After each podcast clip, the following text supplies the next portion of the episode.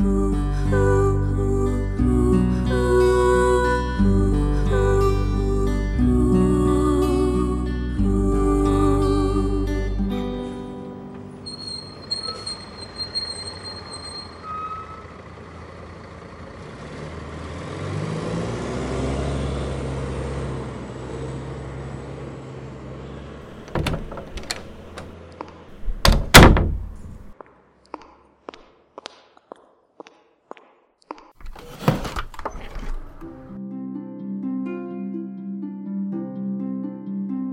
කුස්සිය පැත්තේ ගබඩා කාමරයට දාලා තිබ්බේ රත්තු පාට ගාපු ලොක්කු තඩ්ඩි දොරා ඒකට අපේ සීතාත්තට හම්වෙලා තිබ්බ ලන්දේසි කාලේ ඉබ්බෙක් තමයි දාලා තිබ්බේ.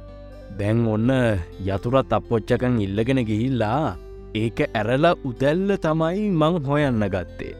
ගබඩා කාම්බරේ දොර අරිනවත් එක්කම සර සරහස් ගාල මොකක්දෝ එකක් විමට වැටනා. අම්බෝ ඒ රීක්‍ය ඔන්න බලන්නකෝ මෙය මේ අපේ වත්තේ වැඩටඉන්න සාන්තක වැඩ වැඩකරලි ඉවර වෙලා බාගර බඩු තියලගී.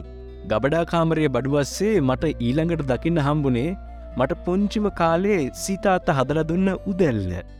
ඒ උදැල්ල දැම් බලද්දි හරි පොඩි හරි කොටයි ඇත්තනේ මාත් ඉතින් ඒ කාලෙ පොඩීනි දැන්නන් ඒ උදැල්ල තියා ලොකු දැල්ලවත් අල්ලපු කාලයක් මටවත් මතකන ඒත් ඒ චූටි උදැල්ලත් එක්කල මගේ මතක ගොඩා කැවිස්සුනා.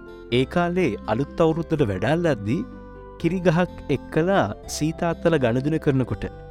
ඒ දිහා බලාගෙනනවා දැකළ තමයි සීතාත කිව්වේ මගේම් පස්සේ උඹලය අපපොච්චට. අපපොච්චායෙන් පස්සේ උඹට තමයි මේ කර්තාවය කරන්ට වෙන්න අපෝ කියලා. පහුව දාම සීතාත්තා මෙන්න මගෙන් අප්පුවට අවුරුදු තෑගි කියලා පොඩි උදැල්ලක් තෑගි කළා. මට ඒ උදැල්ල හම්බුණු දවසේ හොර්රිම්ම ආඩම්බරයි. මොකද අපේ ගෙදර තමන්ටම කියලා උදැල්ලක් තිබ්බායගෙන් තුන්වැඩියම් මම නිසා. දැන් ඉතින් එතාම මධ්‍යහනේ. මගේල ඇස්තිය කුඹුරු කොටන්න යන්න ඒ උදැල්ලේ. කමිසේත් කලවල සරමක් ඇහැපොට ගාගෙන මම ගියා මෙතුළට සිතාත්තේ අපි ය කොයිදපුුව මේ ගිනි මධ්‍යානය යං කියන්නේ සීතාත්ත ඇහ්වා.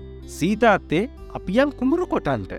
ඔන්න පල්ලෙහා යාය මගේ උඩ යාය සීතාත්තය අපපොච්චයි බලාගන්නකෝ බලන්නකෝ අප්පුුවගේ උනන්දුව යසයි යසයි එහෙම කිව්වේ අත්තම්ම ආ හොඳයින අප්පුෝ අපි තව පොඩ්ඩක් කියර බහිනකං ඉඳලම යමක කුමර පැත්තට සීතාත්ත කිව්.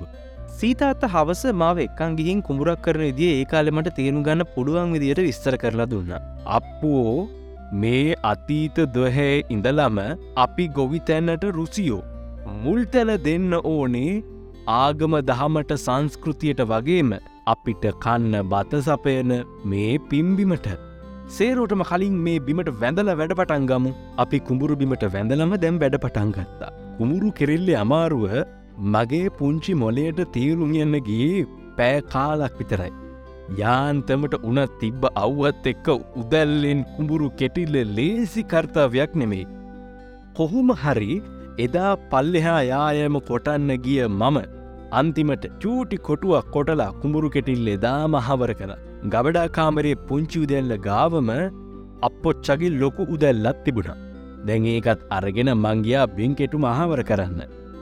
ඇඟ පතින් ලොකුනාට මන්තාව පොඩියකාන කියලා මං මටම කියාගෙන බින් කෙටිල්ල පටන්ගත්තා. පාරවල් කීපයක් කොටලා කොහොමින් කොහොම හරි වැඩේ යහවර කරා.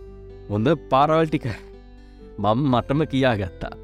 සම්පූර්ණ වැඩේ හවර වෙනකොට ගොම්මනත් වැටිලා ඉතිං ඇඟටත් හරී තෙහෙට්ටුයි.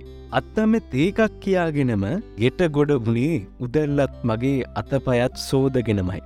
තේකක් ඉල්ලුහම අපේ අත්තම දන්න මට කොහොම තේකක්ද ඕනෙ කියලා.